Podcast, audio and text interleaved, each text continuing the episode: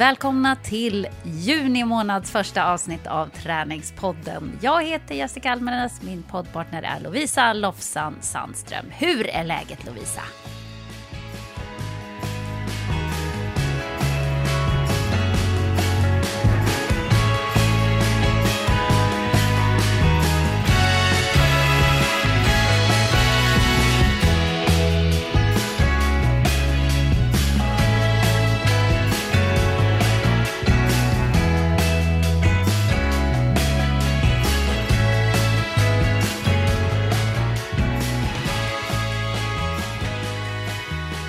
Jag är på hugget idag. Men gud vad härligt. Jag hör det nästan i rösten. Så första ordet du säger, det är bara tryck i det. Men jag räknar ut att det är nästan tre veckor sedan som jag körde mitt senaste riktiga styrketräningspass. Alltså jag blir ju inte en bra människa när jag inte får styrketräna. Men i morse, då hände det! Herregud vilken hög tröskel, men jag gjorde det. Och eh, då, då blir jag på hugget, då nappar jag på allt. Men du, men du vet vad en kille hade sagt om du hade sagt så att du hade varit lite bitsk och på hugget idag? Har du mens eller? you wish! Nej, idag, idag är jag on fire alltså. ja, men vad kul. Eh, och du, då räknar jag med att du är frisk igen då, då och har börjat eh, sätta igång och träna. Jag eh, fick så här, skjuta fram en dag i taget. Jag hörde mig ju själv säga i förra veckans avsnitt av Tränarspodden så här, ja ah, men imorgon, imorgon. Så har jag tänkt hela tiden. Men jag startade i, igår, då var det måndag, då gjorde jag en eh, tvåvarvsjogging. Eh, 1500 meter på ett varv runt Reimersholme och sen så joggade jag ett varv till, totalt tre kilometer. Och då kände jag så här, okej, okay, det är svinjobbigt, det är tungt, men det, är ändå, det känns bra i luftrören. Så då kände jag så här, men nu kan jag börja ta i. Så då var jag och körde PT nu på morgonen. Och eh, jag kom dit som ett väldigt blankt blad, typ sa till Andreas PTn, gör vad du vill med mig, jag har liksom inga preferenser, ja, vi måste börja om från början. Eh, bestäm du. Han bara, ah, alltså det är ju ganska jobbigt att köra första passet efter att man varit sjuk med ben. Jag bara, mm. Mindes jag hade sån enorm träningsverk när vi körde det passet i programmet för då tre veckor sedan. Men eh, det blev överkropp. Det gick bättre än vad jag trodde. Jag trodde att jag skulle vara som eh, sitta på huk liksom mellan sätten. Men lång vila, jobba igenom, Eh, och det är ju mentalt som eh, jag mest känner mig så här, herregud vad jag har varit dålig. Men det känns bra nu efteråt, jag börjar känna liksom livet i mig, livsglädjen kommer tillbaka. Men det är också då jag nappar på beten.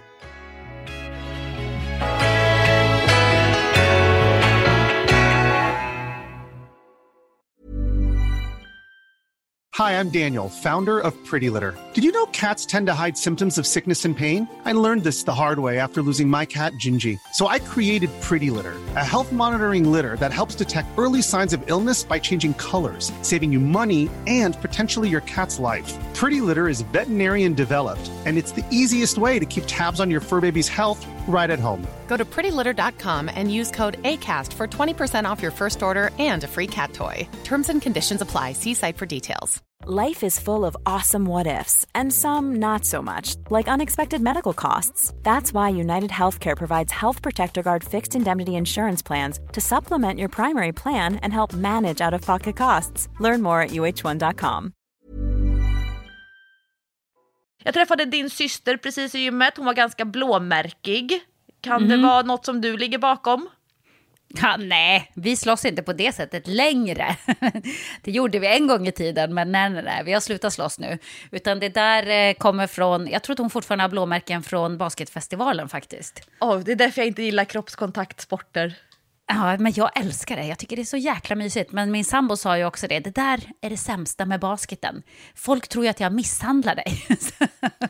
och Jenny hade fått frågan på stan också av en, en snäll dam som hade gått fram till henne och frågat. Men lilla vän, hur är det med dig egentligen? Hur har du det När Hon hemma? hade sett hennes blåmärken på armarna. det ser ju illa ut, det gör det ju absolut. Jag gillar ju det där och ha lite blåmärken och lite skrubbsår och lite sådär så att man ser verkligen att jag jag är en person som idrottar. Jag är en aktiv person. Jag tycker om det. Så här, jag bangar inte för att få lite stryk. Liksom. Du är lite pervers Jessica Almenäs. Ja, men då menar jag ju stryk på basketplanen under kontrollerade former där det ändå finns en domare som ser till att man inte får för mycket stryk. Annars vill man ju inte ha stryk såklart. Men eh, jag har ju då istället, eh, Lovisa, varit tvungen att backa bandet till basic. Det här är inte kul, men jag har kommit fram till att jag är så illa tvungen. Du vet min, eh, mitt goda nackspärr som du smittade av dig med genom telefon. Eh, det har inte gått över. Jag har fortfarande jätte, jätteont i nacken. Jag har ändå varit hos naprapaten. Hon försöker fixa det. Men det är så många saker i min överkropp nu som eh, hänger ihop och gör att det blir ont på olika ställen. och det blir liksom en ond cirkel, för har man ont så använder man eh, något, någon annan del av kroppen för mycket eller den får, får bli överbelastad. Eh, och så får man ont på något annat ställe också, så flyttar det liksom bara runt. Så att jag har ju väldigt ont i nacken, jag har väldigt ont i min axel som har blivit sämre igen ångrar nu att jag inte gjorde min rehab ordentligt, för att jag blev ju ganska bra ganska fort. Och då var jag bara så här, men nu kan jag sluta med rehab, för nu är jag bra i min axel igen. Eh, det ångrar jag, för att eh, den är eh, ond, jätteond. Ont att lyfta huvudet ovanför, eh, eller lyfta armen ovanför eh, huvudet, ovanför axelhöjd liksom. Eh, väldigt svag i den, i olika vinklar och sådär. Eh, axeln har framåtroterat jättemycket, så att den sitter ju fel. Och det är ju därför som jag också får ont, för jag belastar ju helt fel. Och eh, då har det liksom satt sig också i nacken. Eh, det har satt sig i käken som jag ju eh, drog ur led här för ett tag sedan. Den är inte riktigt bra, så varje gång jag tuggar så klickar det. Eh, och så eh, är ju min bröstrygg, och då, det här tror jag egentligen är det största problemet. Min bröstrygg är fruktansvärt stel. Alltså fruktansvärt stel.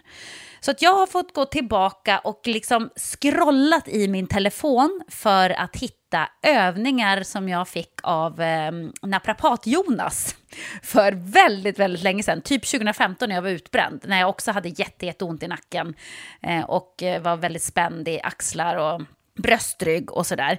Så att jag har börjat köra rehab. Varje dag hemma kör jag rehab. Jag kör mina nackövningar, jag kör mina övningar för bröstryggen. Eh, jag kör mina axelrehabsövningar och har väl bestämt att jag kan åtminstone inte när det gäller överkroppen. Jag kan inte köra tyngre styrka innan jag får lite ordning på det här. För att min nacke, alltså när jag kör bil, jag kan inte vända, vrida på huvudet. Jag kommer nästan ingen vart. Jag kan inte se mig om över axeln. Eh, och det är ju inte så bra. Det, det är ju faktiskt jättedåligt. Och allt, alla rörelser gör i princip ont. Så att jag kör rehab. Greja på här hemma. Och då skulle jag faktiskt vilja utmana alla er som lyssnar på podden. Testa om ni är stela i bröstryggen eller inte. För att där kan det sitta mycket skit alltså. Oh. Bröstrygg, stel bröstrygg, den kan liksom sprida sig till ryggen, till ländryggen, till axlarna eh, till nacken och nacken sprider sig ofta till huvudet så jag går ofta också runt med huvudvärk varje dag på grund av mitt nackont. Så testa er en bröstrygg. Ett sätt man kan testa på eh, det är ju till exempel att man står med ryggen mot en vägg bara. Trycker in svanken mot väggen. Fötterna kan vara en liten bit från väggen, men svanken ska vara trycket in mot väggen och liksom axlarna också och sånt. Allt ska vara mot väggen. Så ska man ta upp armarna, eh, så att man står som, vad ska man säga, armarna är 90 grader ut från axeln liksom. Du fattar vad jag menar. Jesus på korset? Nej, inte sträcka ut dem, utan de ska vara i 90 grader. Jaha, som en sån här du? gubbe? Ja, exakt. Så armarna rakt ut från kroppen i 90 grader. Så att den är böjd liksom i armbågen om man säger. Och sen ska man med kontakt med väggen hela tiden föra armarna uppåt så högt man kan och så ner igen och så göra det här tio gånger eller så många gånger man orkar. Jag klarar knappt av att göra fem med kontakt med väggen. För att jag är så otroligt stel i, i bröstryggen. Så det kan man ju testa. Sen kan man ju också testa den här eh, eh, eh lilla apan, du vet, när man sitter på huk. Oh. Och så sträcker man upp armen så långt man kan och vrider upp så mycket man kan. Först högerarmen och så kör man den kanske tio gånger och så kör man på andra vänstersidan tio gånger. Det är ju en multi vettig övning som är bra både för rörligheten i, i höften och i bröstryggen. Den är också otroligt tung när man är stel i bröstryggen. Huksittande med enarmsöppning brukar jag kalla den för. Exakt, bra. Då förstår man precis vad det är. Du är mycket bättre på att hitta på namn på de här grejerna. jag döper dem till vad man gör. Ja, jag försöker liksom beskriva Lilla apan. övningen. Nej, men och sen har jag den här och den här är vedervärdig. Det är när man ligger på en eh, rulle Eh, vad kallar man det? En, foam en här, roller. Foam roller, ja, på, på riktigt eh, gymspråk. Men, en rulle då liksom.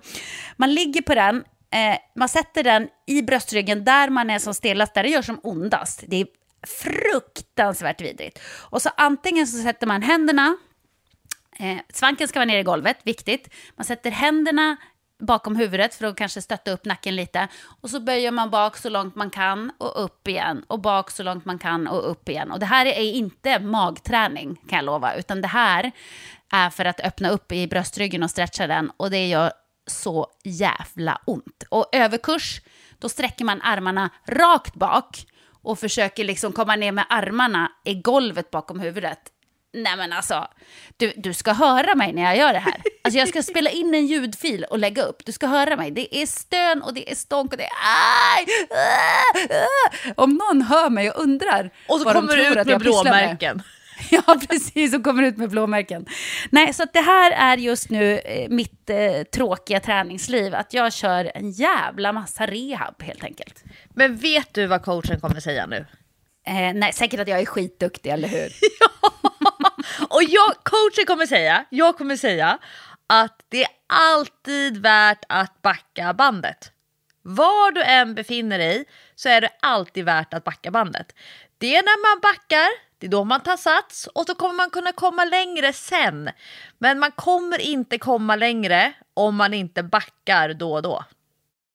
Nej men det är ju så och jag tycker att det är så tråkigt för jag vill ju att det ska gå fort. Jag vill fort framåt, fort få resultat. Så jag vill ju direkt på liksom tung styrketräning och så.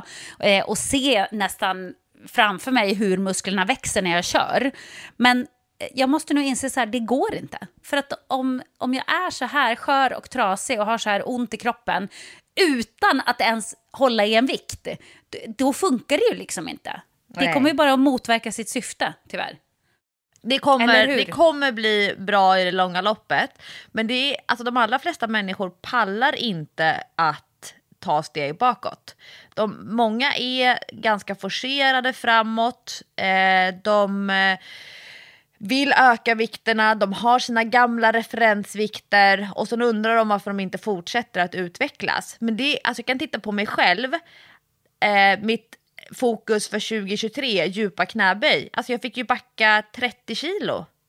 Men ah. det har varit värt det för det är så mycket roligare att äga bottenläget i de vanliga knäböjen efter alla de här månaderna. Och jag är inte klar än. Tänk då, jag har liksom ett helt halvår kvar efter juni. Så att det, ja. det, att välja, välja ut ett område och backa på det kommer att göra en mer motiverad i det långa loppet för att man märker att man tar hand om och stärker upp de här skavankerna, det som begränsar. Upplever man att man inte har några som helst begränsningar, ja men då är det klart, kör på. Men de flesta människor möter ju faktiskt begränsningar. Ja, exakt. Eh, och det är verkligen så, har jag insett nu, att det här arbetet med att eh, ta hand om kroppen och se till att den funkar, det kan man inte sluta med. Alltså, har man haft skadeproblem eller sådär, eller kör någon slags hårdare träning, så måste man göra de här basic-övningarna med jämna mellanrum. Man kanske inte pallar varje dag, men man kommer, måste göra dem med jämna mellanrum, för att annars så kommer man att gå tillbaka till att få ont helt enkelt. Och, och det kommer man inte ifrån någonstans. Man måste hela tiden hålla på. Precis som om man är löpare, ja men då måste man göra sin löparstretch och sina löparstyrkeövningar och, och sådär. Annars så kommer man i slutändan att få ont. Man kan liksom inte hoppa över ett steg. Och det här är ju, det här är ju väldigt... Eh, svårt för mig. Jag är väldigt glad i att jag börjar ändå tänka så. för att det är så himla långt ifrån min natur egentligen.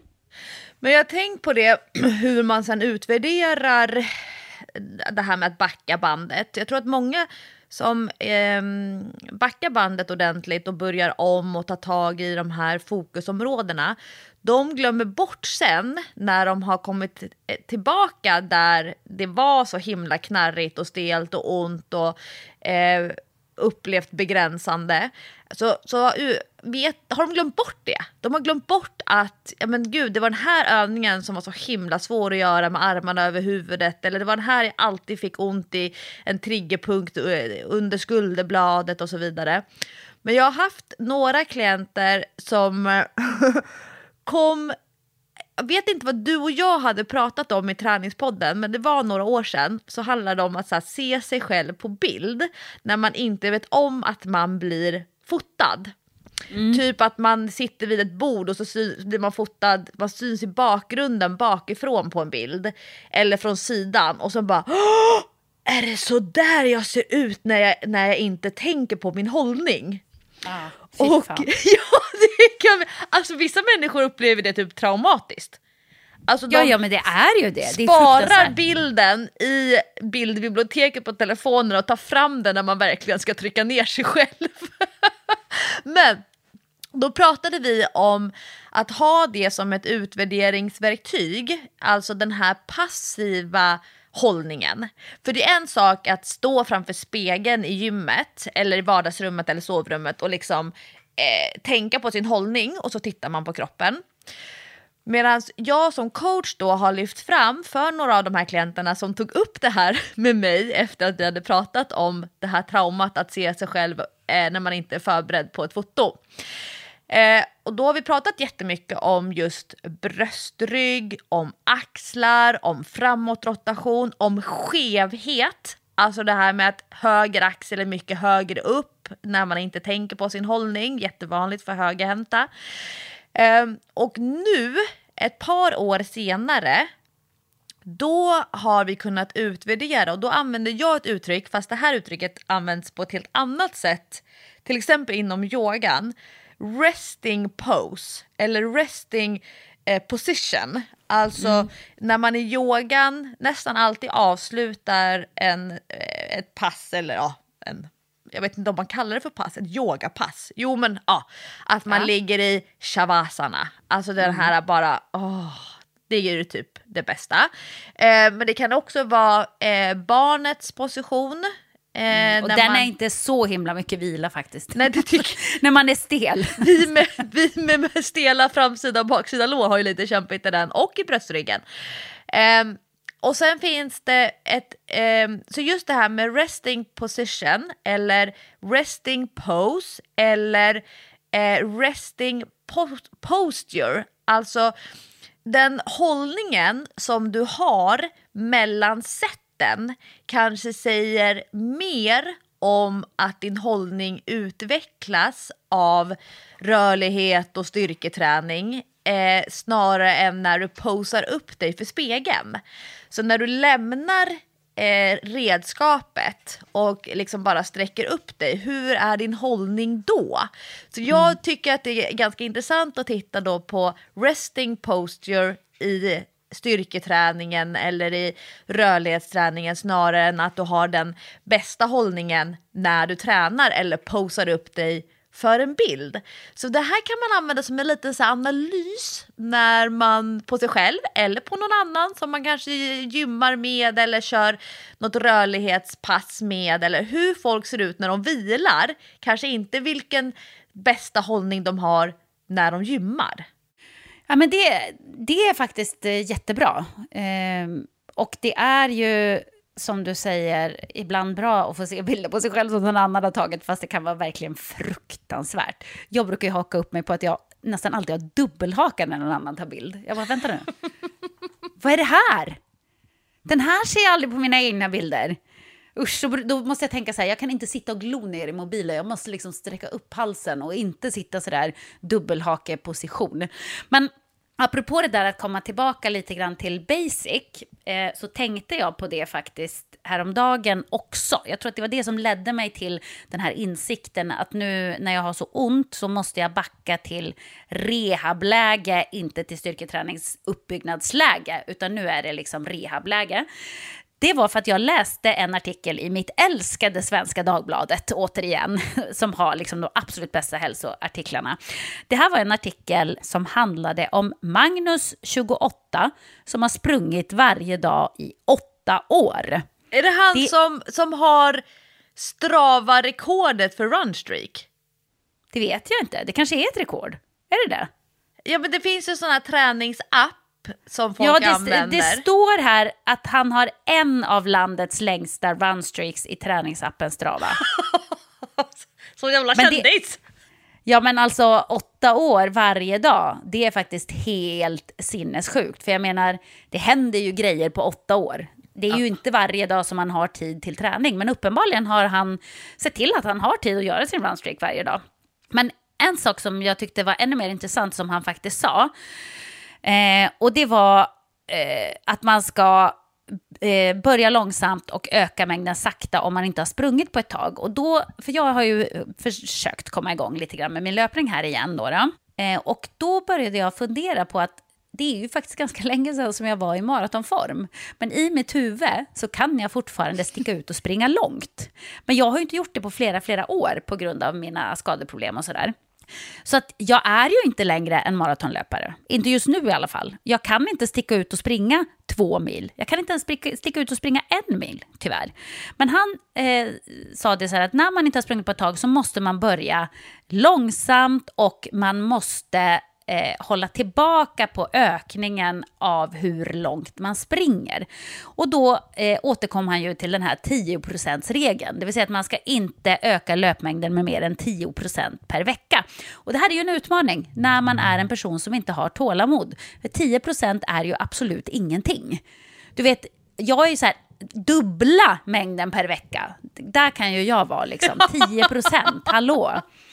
Men nu har jag bestämt mig för att jag ska göra detta. Jag ska lägga in eh, två eller max tre, inte mer i början, löppass i veckan där jag ökar eh, mängden med 10% per vecka. Endast. Så att nu har jag sprungit. Eh, förra veckan sprang jag då tre kilometer. Det låter väldigt fjuttigt, men det är ungefär vad mina hälar och sånt klarar av just nu. För jag känner att det börjar göra ont på olika ställen när jag eh, är färdig med min 3 km runda. Så att nästa, eller det blir den här veckan då. Den här veckan ska jag alltså springa 3,3 kilometer. Och det är det som jag får lov att springa. Det ska jag göra två gånger den här veckan. Eh, och jag får absolut inte springa. Det här är också en regel för mig själv eftersom jag nu jobbar med rehab. Om jag känner att jag börjar spänna mig över kroppen, känner att jag börjar dra upp axlarna, spänna nacken, då får jag gå. Då är det bara att sluta springa.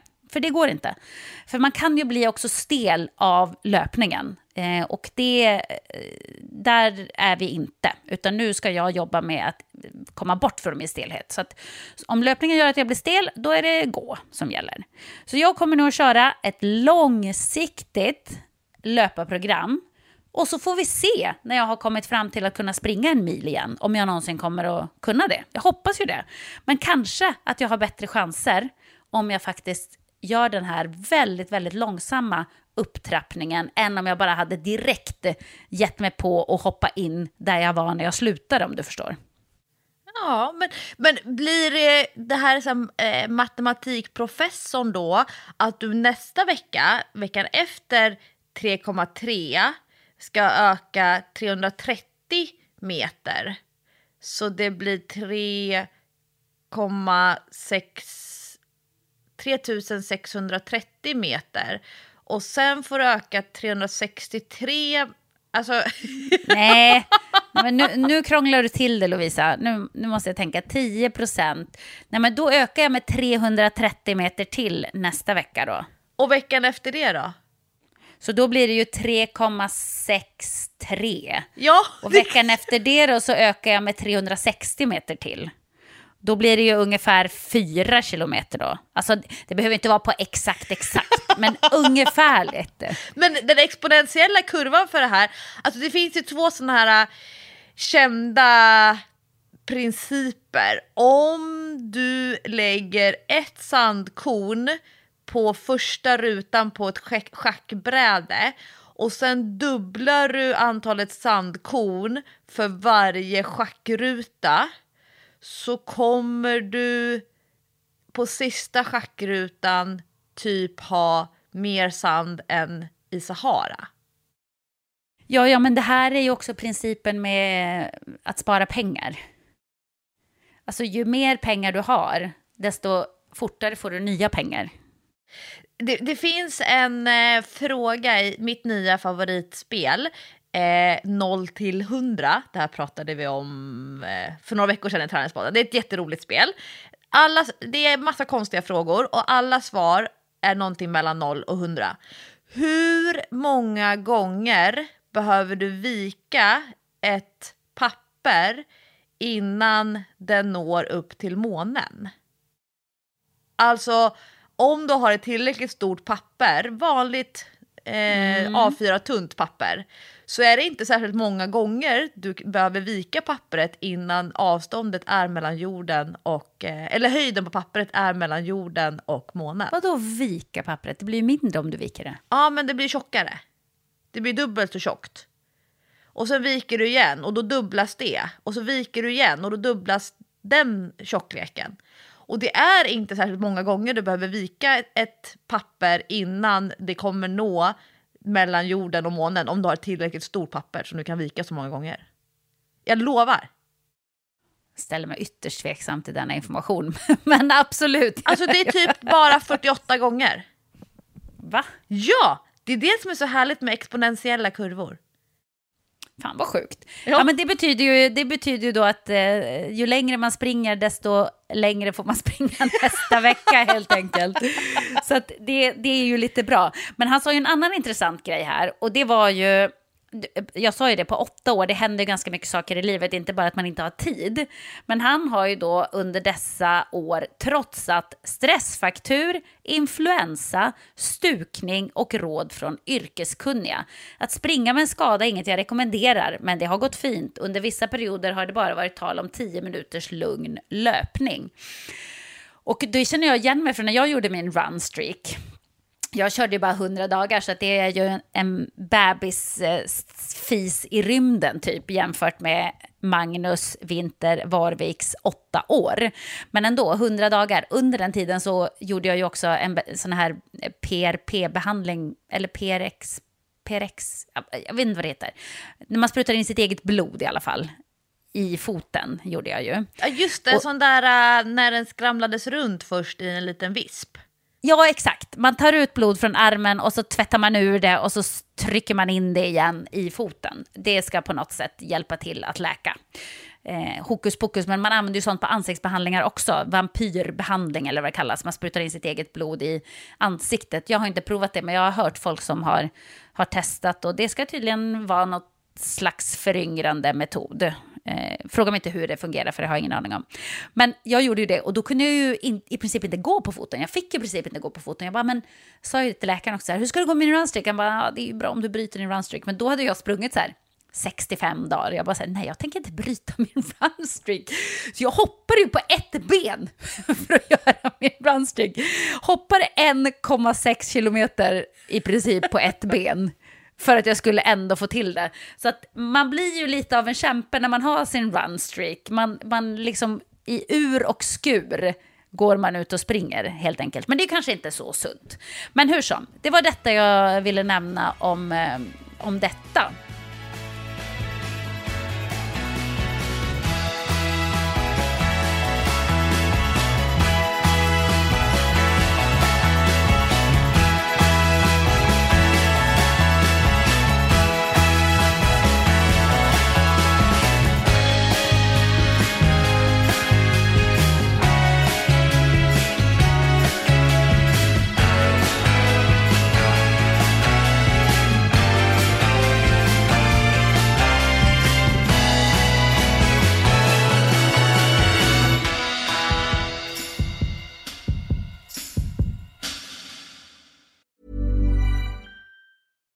Hi, I'm Daniel, founder of Pretty Litter. Cats and cat owners deserve better than any old fashioned litter. That's why I teamed up with scientists and veterinarians to create Pretty Litter. Its innovative crystal formula has superior odor control and weighs up to 80% less than clay litter.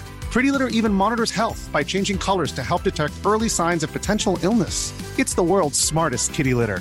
Go to prettylitter.com and use code ACAST for 20% off your first order and a free cat toy. Terms and conditions apply. See site for details. Hey, it's Ryan Reynolds, and I'm here with Keith, co star of my upcoming film, If, only in theaters, May 17th. Do you want to tell people the big news? All right, I'll do. it. Sign up now and you'll get unlimited for $15 a month and six months of Paramount Plus Essential Plan on us. Mintmobile.com slash switch. Upfront payment of $45 equivalent to $15 per month. Unlimited over 40 gigabytes per month. Face lower speeds. Videos at 480p. Active Mint customers by 531.24 get six months of Paramount Plus Essential Plan. Auto renews after six months. Offer ends May 31st, 2024. Separate Paramount Plus registration required. Terms and conditions apply if rated PG. Men nu är jag väldigt nyfiken på varför är du på hugget? Jag Vad har måste- gjort dig förbannad? Jag måste bara säga, Ja. 42 gånger räcker det med att du viker ett papper för att det ska nå till månen. Och 51 gånger, då kommer pappret nå till solen. Det är ju riktigt sjukt. Ja, ja men det... Men det, det låter faktiskt riktigt sjukt. Jag, jag måste googla detta. Jag, jag, det här blev jag faktiskt helt chockad av, Lovisa. Nej men, jag eh, har jag haft lite tid för kontemplation. Eh, det är ju så, om man tänker sig en person som tränar ganska många timmar i veckan och sen så tränar inte personen många timmar i veckan, vad gör man med all den tiden? Och förra veckan då berättade jag att jag kollade på serier. Eh, jag har också eh, läst en hel del, jag läser böcker och så läser jag som vanligt DN från perm till perm. Eh, slöskrollat lite grann och hamnade i en krönika som jag blev lite förbannad på.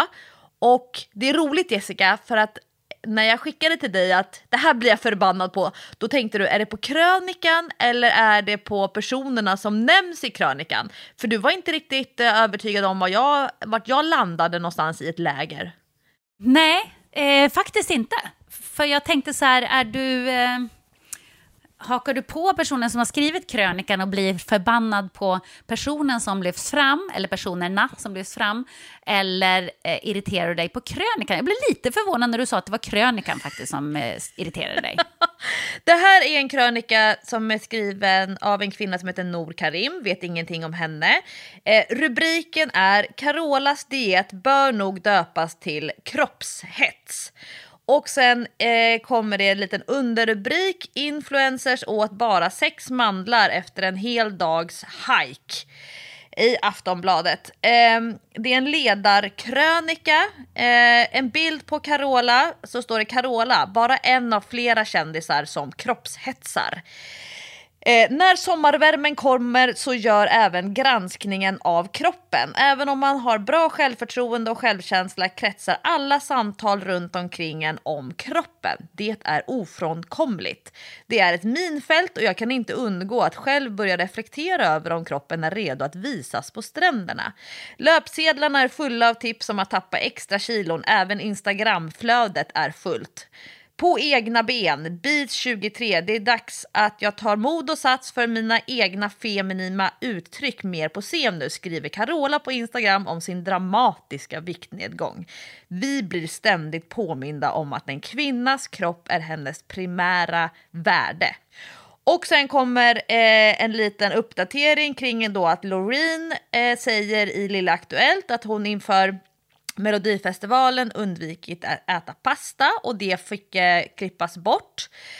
Carola eh, berättar öppet om en sträng diet och sen så handlar det om influencers som åker på svältläger där man bara får äta sex mandlar efter en hike. Det kopplas ihop med Bianca Ingrossos ätstörningar och hennes eh, dokumentär som går på Discovery Plus, Imperiet Bianca där det här liksom ligger som en liten elefant i rummet hos deltagarna i dokumentären. Och Krönikan, krönikören ställer sig frågan vilket ansvar har influencers och kändisar när de sprider osunt beteende? Vems ansvar är det när unga exponeras för orealistiska bilder av kroppar som leder till självförakt?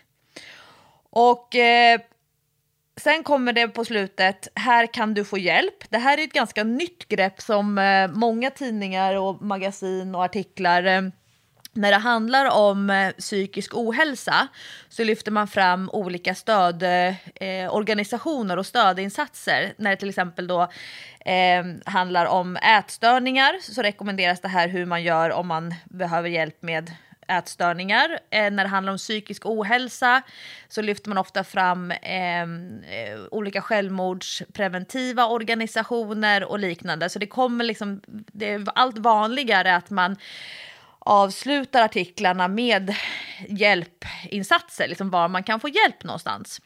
Och eh, då har jag eh, fem, jag har fem tankar om en sån här krönika skriven av en kvinna som lyfter fram andra kvinnors osunda beteende och hur det då eh, får plats på sociala medier och i tv. Berätta, nu är jag väldigt nyfiken. Ja, jag måste börja med nummer ett. Och det här är ingenting som är specifikt för just Aftonbladet. Men jag tycker ju att det här är hyckleri. Alltså att krönikan publiceras i Aftonbladet med på startsidan och på startsidan är det också annons för Aftonbladets eh, hälsoprodukt eh, Wellobee. Kolla! Det här datumet kan du nå din drömvikt. Prova vår BMI-snurra. Få, svar direkt. Är du över, normal eller underviktig? Gå med idag. En månad på köpet. Du får kaloriräknare, kostschema och träning. Mm. Eh, också en artikel om eh, en eh, Aftonbladet-podd. Hon vill få störst rumpa i världen. Eh, Natasha är Sveriges mest opererade. Och så är det en före och efterbild på henne. Sen kommer det en ny reklam för Velobi. Testa vårt kostschema, helt anpassat till dig. Kalori och näringsberäknat utifrån dina behov. Ökar chansen att nå dina hälsomål. Och det är också en klicka vidare eh, vad ska man kalla det, plug-in så att man kan gå direkt från Aftonbladet till artikeln som du precis nämnde, Magnus 28 har sprungit varje dag i åtta år. Eh, och där också då precis det här som du pratar om, att han har sprungit med stressfraktur, influensa, stukning och gått emot råd från yrkeskunniga. Är det inte hyckleri att en sån här krönika publiceras och skrivs av en eh, journalist anställd av en, ett magasin som hela tiden jobbar med att trycka på ännu mer fokus på kroppen?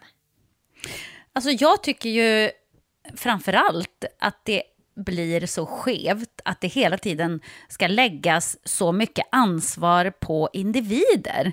Alltså kända kvinnor, för det är ju alltid kvinnor i det här läget.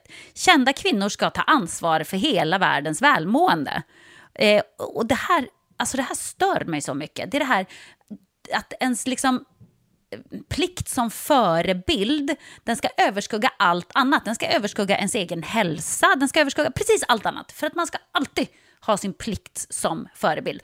Och att man lägger det på individerna, att man då liksom uppmuntrar till kroppshets, bla bla bla bla bla. Det är ju sånt jävla bull, för de enda som kan göra något åt det här, det är ju medierna. Alltså om tidningarna slutar skriva om de här grejerna, att man ska banta och så här gör du för att banta och så här får du drömkroppen och så här fort kan du gå ner eh, 17 kilo till midsommar, eh, du vet. Det, det, är ju deras ansvar. Varför tar inte de det ansvaret? De når ju ut till så himla många. De har liksom makten att se till att kroppshetsen minskar i samhället. Men icke sa Nicke. Nej, nej, nej, nej, nej, för de tjänar pengar på det här, vet du. Mm jag tycker att det är Eh, jag använder ordet hyckleri, men det är för att jag är feisty och på hugget idag. Imorgon så kommer jag säkert tycka någonting annat. Det kanske är så, men eh, idag så sätter jag hyckleri på eh, som första tanke i min analys. Ja, jag tycker att det, där är du baske mig rätt ute, för att eh, eh, det provocerar mig. Man kan liksom inte på ena sidan i en tidning klankar ner på eh, att Bianca är en stor förebild och hon har ätstörningar, bla bla bla, det är så hemskt, hon är så smal, bla bla bla. Eh, och så på nästa sida så, så är det liksom tips hur du ska gå ner på två veckor 17 kilo till midsommar. Det, det går inte ihop. Det går inte. Och ett annat exempel på det eh, var en artikel som jag såg häromdagen i någon av kvällstidningarna, kommer inte ihåg vilken. Eh, men det var en, en stackars kvinna som hade tagit sitt liv på grund av sitt spel spelmissbruk under den artikeln så ligger reklam för ett nätkasino. Mm. Alltså det hyckleriet, det, det, det går inte an alltså. Det går inte an. Man kan liksom inte eh, eh slå med ena handen och sen eh, ska man liksom med den andra handen roffa åt sig det man kan av, av samma kaka. Eh, förstår du vad jag menar? Det var jättekonstigt det var väl, Samma artikel men... har väl också, den artikeln har väl också en sån här stödorganisationslista på hit kan du vända dig om du behöver hjälp. Och så kommer Jajamän. annons. Men under så kan du klicka dig fram till ett nätkasino där du får, här får du 100 kronor att börja spela för. Varsågod. Alltså det, det, är så cyniskt så att jag vet inte. Man kan liksom inte göra en sån artikel och liksom dumma, dumma spelbolagen när man sen gärna tar spelbolagens pengar. Det funkar inte. Man måste välja sida någonstans. Mm. På, eh, som nummer två på min tankelista så eh, kommer ett fenomen som blev väldigt högaktuellt förra veckan eh, i det stora folkkära programmet Robinson där eh, en av mina favoriter, Elin Ambrosiani, tror jag efternamnet är, eh, sätter sig framför kameran eh, på stranden bredvid Amanda som har blivit ganska hårt ansatt socialt under hela Robinson... Eh, projektet och där hon tar fram eh, ett begrepp, eh, ett fenomen som kallas för genuskontraktet. Där som i det här fallet, i det här exemplet då som Elin ville prata om framför kameran, handlar om hur kvinnor kritiseras av andra kvinnor för att man bryter mot genuskontraktet eh, hur män som bryter mot de manliga normerna kritiseras av andra män. Det är sällan kvinnor kritiserar män och det är sällan män kritiserar kvinnor utan att kritiken sker inom det egna könet. Och det är det som blir så tydligt i en sån här krönika och i hel, på samhällsnivå där kvinnor kritiseras av kvinnor för vad de eh, bidrar med eller vad de står för. Till skillnad från för några år sedan när stora 16 weeks of hell verkligen bommade som eh, produkt, som tjänst, eh, som koncept där det eh, till en början var väldigt många före detta elitidrottsmän som körde 16 weeks of hell, fick mm. det som vi alla människor tycker är fantastiska resultat, före och efter bilder, så här gjorde jag. Och det blir en enorm fascinerande jubel, applåder, wow, jätteinspirerande. En industri som omsätter jättemånga miljoner idag för både män och kvinnor. Men det var jag, jag, jag minns artiklar som “Så fick Blubbli Blubb superkroppen”, “Kolla på gamla fotbollsspelaren Bubbi Bubb, han är mer fit än någonsin, wow”. Alltså förstår du? Det var ju rubrikerna som, ja. som var. Och inte en enda man kritiserar öppet männen som går ut med det här. Det är inte heller kvinnor som kritiserar män för att de står för det här eh, idealet att det är så här en man ska se ut. Eh, det är helt tyst från den kvinnliga sektorn. Men när kvinnor berättar på går ut med en ätstörning eller berättar så här vill jag leva några veckor framöver för att känna mig, så här vill jag göra. Då blir kvinnor upprörda på kvinnor. Och det eh, stör mig väldigt mycket och hänger också ihop med om nu kvinnor ska kritiseras av kvinnor då, alltså i negativ bemärkelse, för vi har yttrandefrihet. Alla människor får i princip, med undantag, lägga upp vad de vill på sina sociala medier. Alla andra människor har rätt att tycka och tänka högt om det. Men när det blir den här negativa kritiken, för jag skulle nog säga det finns jättemånga artister som jobbar med vanligt sunt förnuft kring sin kropp som de ändå säljer på scenen när de uppträder inför hundratusentals människor. Står framför kameran i tv, i film.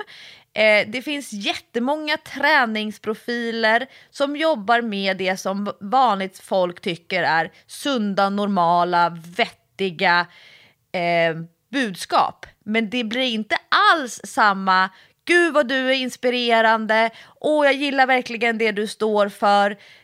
Antalet eh, positiva kritik eh, resonemang är väldigt få i relation till den bomben som blir när någon ska gå in och hacka på motsatsen som man tycker.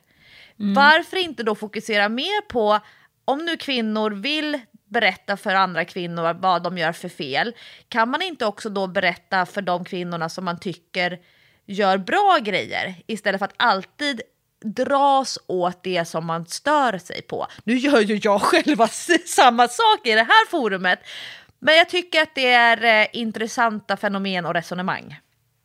Mm, kvinnor ja, som ja. kritiseras av kvinnor. Det håller jag med dig om att så är det ju lite grann. Helt klart. Nummer tre.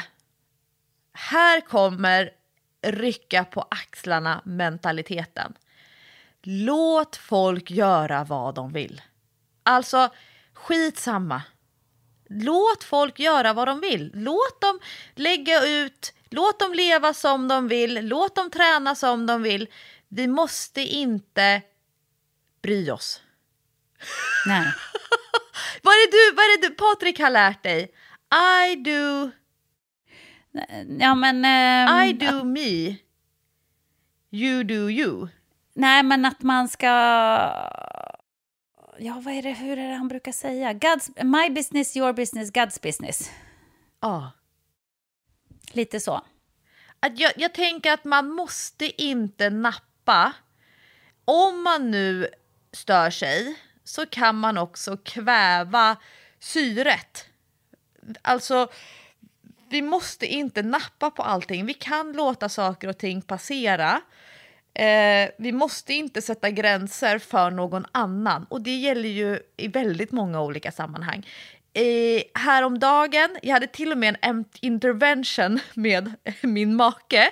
För att häromdagen, det är en korsning som jag kör igenom med bil några gånger per månad. Jag åker inte bil så ofta, men när jag gör det så kör jag genom den här korsningen.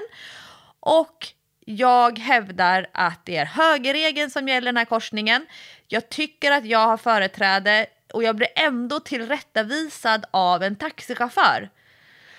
Som typ sätter upp ett pekfinger och liksom... Eh, app, app, app, han, han, tycker inte att det är högerregeln helt enkelt. Han tycker inte det. Och jag blir så här... Ett, gör jag fel? Har jag fel? Men så här, okej, okay, väntar och sen så kör jag när det då han tycker att det är min tur. Och sen går jag hem till min make, går in på Google Maps, utan att färga honom innan så ber jag honom förklara hur han tänker kring högerregeln i den här korsningen. Och vi tittar, det finns inga skyltar och han för exakt samma resonemang som jag. Hade jag velat så hade jag ju kunnat köra ikapp den här taxichauffören, blockerat honom, tutat på honom och säga och fostra upp honom. Hörru du, det är faktiskt högerregeln som gäller i den, här, i den där korsningen. Och så hade jag kunnat lägga massa energi på det. Men då hade jag kommit för sent dit jag skulle. Mm. Så låt folk göra som de vill. Låt det passera, tänker jag. För annars så kommer man säkert sent till något annat. Ja, eh och inte bara det, vem är det som ska bestämma vad som är okej och inte? Och vem är det som ska sitta med pekfinger och döma hur andra vill leva sina liv? Om man nu bara tar Carola som exempel, så tycker jag att Carola verkar vara mycket gladare än hon har varit på länge. Och om det är effekten då av att hon har eh, gått ner i vikt, ja, må det då så vara. Det är ju Carolas liv, hon måste ju få leva sitt liv som hon vill. Och det ska man också komma ihåg så här, när man är snabb och hoppar på kvinnor i offentligheten så här, och, och varför går du ner i vikt och är så, dåligt, eh, så dålig förebild. Man får ta ganska mycket skit i offentligheten. Jag kan tänka mig att Carola har fått en och annan kommentar och påhopp eh, om att hon är lite stor eller du vet... Eh, Åh gud vad hon har granskats. Ja, man granskas jättemycket. Och det är inte heller så jävla kul, kan jag säga. Så om hon då trivs bättre med att gå ner i vikt, ja men låt henne då. Och vet du vad jag tycker är lite uppfriskande? Det måste jag faktiskt säga. Sen skulle jag ju absolut inte rekommendera flygvärdinnedieten som hon har kört. För att den verkar ju vara helt fruktansvärd. Alltså, fy sjutton. Jag kan nästan inte tänka mig något värre. Men om det funkar för henne, så ja, fine, låt henne köra det då. Men jag tycker det är uppfriskande att hon Eh, faktiskt talar om hur hon har gjort. Jag tycker det. För att det är ju inte så att folk inte märker när någon går ner i vikt man märker när, om en influencer eh, som kanske har varit eh, kroppspositiv eh, och eh, varit väldigt mycket så här, eh, ma man får ha den kroppen man har, alla är fina, jag ska också få synas med den här kroppen, bla bla bla. Plötsligt så går den ner i vikt och blir norm smal eller ännu smalare. Det är ju inte så att ens följare inte märker det. Men då är ju väldigt många så här, nej men jag vill inte berätta. Jag vill inte säga hur jag har gjort. Jag tycker inte då att det är blir folk att lägga fokus Men då det. kan också folk bli arga. Varför berättar du inte vad, hur du har gjort? Ja, men jag kan nästan tycka att det är schysstare att göra det. Jag kan tycka att det är schysstare att göra det. Än att liksom på något sätt låtsas som att ja, men jag bara eh, började träna och slutade äta socker. För att det är ju ganska sällan som det är hemligheten om man nu ska vara krass. Då tycker jag att det är trevligare och, och schysstare mot sina följare och säga så här, vet du vad? Jag gjorde en gastric bypass för att jag mådde inte bra av det här. Jag ville bli hälsosammare och gå ner i vikt så att jag orkar saker. Jag vill inte ha ont i ryggen eller vad det nu kan vara. Det är väl schysstare att säga det då. Eller, ja, jag tog den här diabetesmedicinen, vad det nu heter. Jag testade det och eh, nu känner jag mig eh, piggare och starkare och eh, jag behövde gå ner några kilon. Tala om det då. Det finns jag ingen det är... som kommer våga berätta att de har tagit den här diabetesmedicinen. Det är klart att de inte kommer. Är det så? Nej, gud. De kommer bli halshuggna. Men för jag kan säga, det är, är intressant att så många vill veta exakt hur influensen har gjort. Men om en influencer berättar hur de har gjort, då blir de halshuggna. Men det, ja, ja, kanske. Men jag vet inte, jag tycker bara att det är, speciellt när man har haft den profilen, eh, liksom där body positive, ett sånt konto, då, då tycker jag att man nästan är skyldig sina följare att göra det någonstans. Och, och också kanske berätta varför. För att det, annars så blir, man lämnar ju dem lite grann ute i det blå. Där står de och fattar ingenting. Men vad då? var det inte okej okay att, jag, att jag är stor, att jag ser ut så här? Är det nu plötsligt inte okej? Okay? För nu har ju du gått ner i vikt. Nu är du smal. Varför stod du och sa att det var okej att man, att man är stor, att man är fin och vacker ändå, eh, när du själv inte egentligen tycker det? Eller om man nu tycker det fortfarande, att då, då, får man kanske berätta så här, varför valde jag att gå ner i vikt? Ja, på grund av det här. Och det här tycker jag är, när man liksom har den typen av konto där det här är eh, en stor del av ens innehåll, då tycker jag faktiskt att ja, men då, är man, då är man nästan skyldig sina följare det. Jag tycker också att det är uppfriskande att man talar om, jag gjorde det här. Punkt slut. Och det är ju, då är folk så här, ja men varför ska man uppmuntra till det? Jag vill inte uppmuntra någon annan till det. Nej, men folk kommer ju ändå undra. Det är ju som sagt, det är ju inte så att ingen märker att du har gått ner i vikt. Mm. Eller hur? Ja, ja det, det här har du eh, fört mer resonemang eh, i dig själv än vad jag nog har kommit i någon form av process och insikt. Jätteintressant. Mm. Men okej, vad var nästa punkt nu då? Jo, om jag eh, skulle vilja bli bättre på att sjunga, jag vill så gärna vara med i Masked Singer. Då är det klart som fasen att jag så gärna skulle vilja ha sånglektioner av Carola. Alltså mm. tänk att kunna waila som Carola! Och om jag skulle vilja ha en personal shopper, få moderåd, det är väl klart som tusan att jag skulle så gärna vilja gå till Schutterman och liksom dress me on, här är mitt kreditkort, liksom kitta mig. Och om jag skulle vilja lära mig hur bygger man ett, en stor, trogen, lojal följar krets i sociala medier. Det är klart som fasen skulle vilja ha en sittning med Bianca Ingrosso. Men jag skulle ju inte gå till Carola för att få investeringsråd för mina pensionspengar. Då går jag till ett proffs. Jag skulle inte söka upp... ehm, alltså jag vet inte. Alltså jag tänker ju att man kan tycka att en person är jätteinspirerande och är jätteduktig på just det som de har dedikerat sitt liv till. Men bara för det så kommer jag ju inte lägga mina sparade pengar i, i förtroende hos dem. Jag behöver inte i, ta råd, inspireras inom något helt annat bara för att den här personen är väldigt skicklig på just sitt ämne. Då går jag ju till banken. Då läser jag ekonomibloggar, då lyssnar jag på poddar om privatekonomi. Jag söker mig ju till proffsen. Och det är väl också det här som jag i min roll i träningsbranschen, i en enormt kroppsfixerad bransch, tänker så här, ja, men vänd dig till proffsen om du vill ha hjälp som faktiskt funkar. Varför ska du själv tänka att ja, men Carola gjorde si, Carola gjorde så, då är det rimligt att jag också gör det.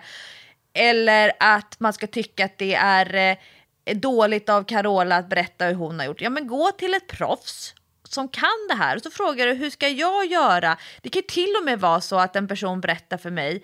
Nu, tar, nu blir det ju Carola, det blir väldigt mycket Carola, men det finns ju faktiskt människor som kommer till mig pekar ut en person som har gjort en enorm förändring och kommer till mig och säger så här säger hon att hon har gjort. Fastän det skulle kunna vara en skådespelare, en modell eller Ja, men som Va- när man går till frissan typ. Ja. Jag vill ha den här frisyren. Och så Fast säger du man, har ju va- inte den här typen av hår. Nej. men jag vill ha den här frisyren. Ja, men då, men då kan man också titta, okej, vad är motsvarande förändringar hos just den här individen? Alltså att vi inte copy-pastar utan vi tittar, okej, men utifrån dig och så som du lever, vad skulle kunna vara motsvarande insatser? För då kan det ju vara så att man inser att så här att nej men jag behöver inte äta mindre socker för jag äter inte så mycket socker idag. Men om jag vill göra en stor förändring, ja men det kommer vara styrketräningen där nyckeln är. Eller det är i att komma igång med löpningen. Alltså alla behöver ju hitta liksom inte alla behöver, men man måste ju hitta sin egen. Vad skulle kunna vara om jag blir jätteinspirerad av det här? Okej, vad skulle kunna vara motsvarande projekt för mig att grotta ner mig i? Bli, Blir man stressad och stör sig? Ja, men vet du, det skulle nog kunna finnas en och en halv, kanske två miljoner människor som du skulle kunna störa dig på om du verkligen nagelfar deras livsstil, eh, vad de säger, vad de har för moraliska syner, politisk åskådning, hur de eh, investerar sina pengar i eh, nikotin, tobak, eh, vapenindustrin. Alltså du kan verkligen störa dig på så många människor med jättestora plattformar om du vill hitta sån skit. Så det liksom är mitt resonemang. Jag skulle inte ta investeringsråd av den här personen. Varför skulle jag då inspireras och ta kosttips från den här personen? Ja, ehm, det ligger något i det. Men det är ju samtidigt mänskligt att man... ehm, man, man, man blir ju inspirerad av sånt som är runt omkring en någonstans. Är det inte så? Jag vet inte. Vad, vad skulle du säga är liksom det mest inspirerande som du vet? Vad, vad är det om du skulle liksom sätta fingret på någonting? Mm. Alltså jag blir ju till exempel inspirerad av den här Magnus som har sprungit varje dag i, i åtta år. Det väcker ju något hos mig som jag känner så här, gud vad peppad jag blir på det här nu.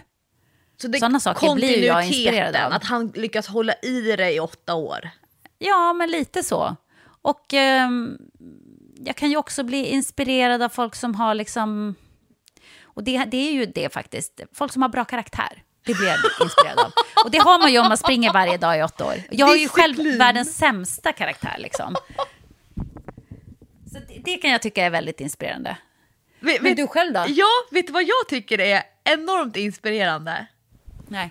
Människor som dels har reflekterat och sen också skapat och format och bibehåller life design. Alltså att designa sitt eget liv. Eh, som är medvetna om hur de lever, hur de vill leva, som eh, reflekterar nästan dagligen kring eh, sitt eget liv. Relationer, vad man lägger tid på, tacksamhetsdagbok, eh, greppar tag och vågar gräva lite grann i sina tillkortakommanden. Eh, som liksom skapar det här, ett liv som de tycker om att leva. Det tycker jag är så sjukt inspirerande. Ja, du ser, vi inspirerar, inspireras alla av olika saker. Och det kanske inte alltid är liksom ett proffs, men allt som väcker ett litet frö i en kan jag ändå tycka har någonting. Jag är ju inte alls inspirerad av en runstreakare. Nej, du ser. Sånt går inte du igång på, men sånt går jag absolut igång på. När jag läser det så blir jag direkt så här, gud vad jag blir inspirerad av det här.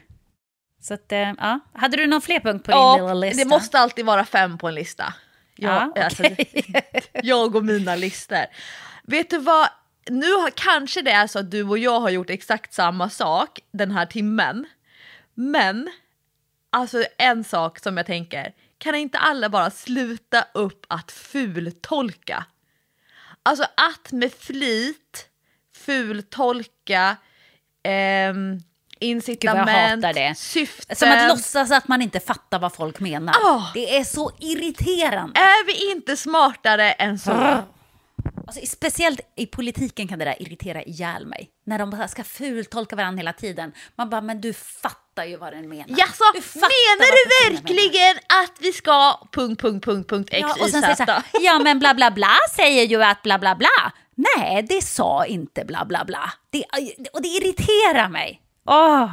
Och det är ju klart att de här eh, sex mandlarna som skulle ätas efter en hike ja men vet du vad, fultolka det som du, om du vill, men du kan också titta på okej, okay, vad är det här för heldag? Snacks med riskaka och lite jordnötssmör på. Det går att fultolka eh, tutti, men alltså, jag vet inte. Jag, vill man anstränga sig så kan man hitta så enormt mycket missuppfattningar, missförstånd, jag menade inte att. Men man kan också ta på sig ett par andra glasögon och se så här, någonting annat. Då kommer du liksom, det går att fultolka om du vill, men jag tror att många av oss skulle må bättre om vi lät fler saker passera och se det för vad man Nej, egentligen men snälltolka. Snälltolka. Snälltolka. Och ibland kan man ju tänka så här, ja, men den här personen, idag hade den kanske lite otur när den tänkte. Men det behöver ju inte att vara att hela personen är liksom, ska, ska kastas till vargarna och cancelas för det. Vem har inte ibland lite otur när man tänker? Man kan ju bara vara liksom lite förlåtande och schysst. Eller hur? Ja, och det som jag, som jag liksom tänker på, vi vill inte ha censur i Sverige. Nej. Och vi vill framför allt inte censurera privatpersoner. Vi vill inte censurera offentliga personer. Vi är stolta över vårt öppna samhälle. Men när det blir en kultur av att man berättar för människor vad de eh, får säga si och får säga så. Det kommer inte vara särskilt kul om några år när folk bara biter sig i tungan och inte vågar säga vad de tycker och tänker i sina egna forum eller i sitt eget vardagsrum eller med sina kompisar eller på samma sätt som att man får skriva en krönika i DN om det här ämnet så har ju också du och jag eh, rätt att prata och gräva vidare i ämnet. Men vi vill ju inte ha censur och då ska vi vara lite, liksom, vara lite schyssta i kommunikationen och våra budskap. Ja, men man märker ju redan det på den här generationen som har växt upp nu med sociala medier. Och med den här cancelkulturen vi har nu, där vem som helst kan bli uthängd när som helst för vad som helst i princip. Ehm, de, de håller ju tyst. de vågar inte, de lägger inte ut saker på sina konton. Jag vet inte om du har sett tonårskonton, de är tomma. Lägger de ut saker så rensar de dem efter ett tag. Det ska liksom inte ligga någonting kvar som kan ligga dem till last eller något de har gjort eller några åsikter de har haft. Det ska liksom inte finnas kvar för eftervärlden att se om man säger. De är så vana vid att allt du säger och gör kan hamna på nätet, kan spridas, eh, kan du få skit för. Så att rädslan är ju att det kommer bli en generation som inte tycker ett jävla skit. Förstår du? För att man vågar inte. Man vill inte eh, trampa snett eller göra fel eller tycka något som någon blir arg på eller ha en annan eh, åsikt än eh, det som är liksom åsiktskorridoren. Om man säger. Det, det, det vill inte den generationen. Det är lite obehagligt, tycker jag. Det är lite läskigt. Mm. Ja, det som sagt, det här är för att jag inte har tränat på flera veckor. Då blev jag feisty när jag väl fick träna. Så sorry. Ja, men jag har ju också väntat i, jag vet inte hur många år på att det ska bli inne och vara snäll. Att det inte ska vara inne att bara liksom försöka hugga alla man ser runt omkring sig och försöka vara elak, försöka hitta någon och att attackera, eh, driva med. Alltså, varför kan det inte bara vara inne och vara snäll? Tänk om det vore liksom den finaste egenskapen, det hade väl varit underbart. Får, får jag säga en sån grej? Ja.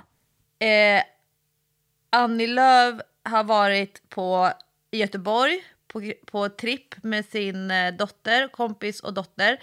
Dottern vinner en stor Marabou chokladkakekartong. Och mm. eh, Annie Lööf håller den i handen på en bild på sin Instagram. Och, och vad, vad händer då? Nej, eh, fokus handlar kanske inte så himla mycket om gud vad härligt att eh, ni har haft en tjejtripp till Göteborg utan det är ju den här Marabou chokladmärket och Ryssland. Ja, men alltså. Ja. Nej men jag får ju en klump i magen. Men det, det, är ju just det här, du måste liksom tänka igenom, det blir så tråkig värld när man ska tänka igenom precis varenda liten grej man gör och säger. Jag vet inte vad det är vi skapar för samhälle. Nej. Det, det är lite sorgligt. Ja, jag, jag. jag, får ju en liten klump i magen men jag tror att jag kanske är, är, är, är vad heter det när man, jag sekundär, eh, jag mår dåligt sekundärt och, och någon annans vägnar. Mm. Ja, det var, jag bara kom på det nu. Ja, nej, ja, ja det, var, det var kul att prata om de här grejerna med dig idag, måste jag säga. Jag gillar när du är lite på G. ja, ikväll så ska jag köra ett, eh, mitt första eh, kanotlopp. Jag ska köra två varv som en åtta runt Reimersholmen, runt Långholmen, runt Reimersholmen, runt Långholmen. Och jag ska försöka få med mig tre kids i en K4 för mig för att jag pallar inte köra K2 med sikten. Han har blivit alldeles för bra så jag kommer bli för trött om jag ska paddla med honom bara. Så jag ska försöka rekrytera två till som kan dela tröttheten med mig. Men nu känner jag I'm back on track alltså. Åh, oh, vad skönt.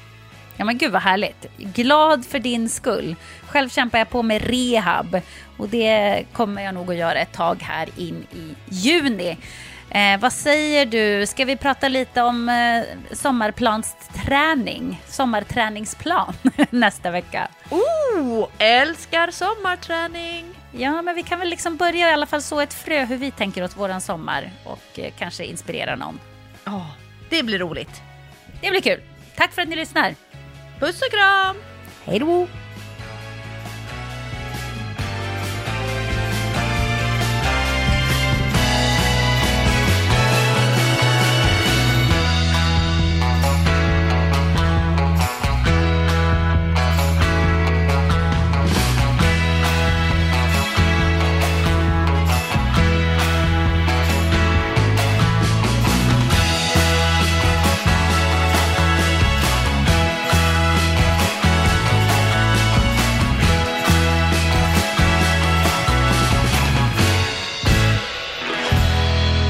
Träningspodden produceras av Sandström Group.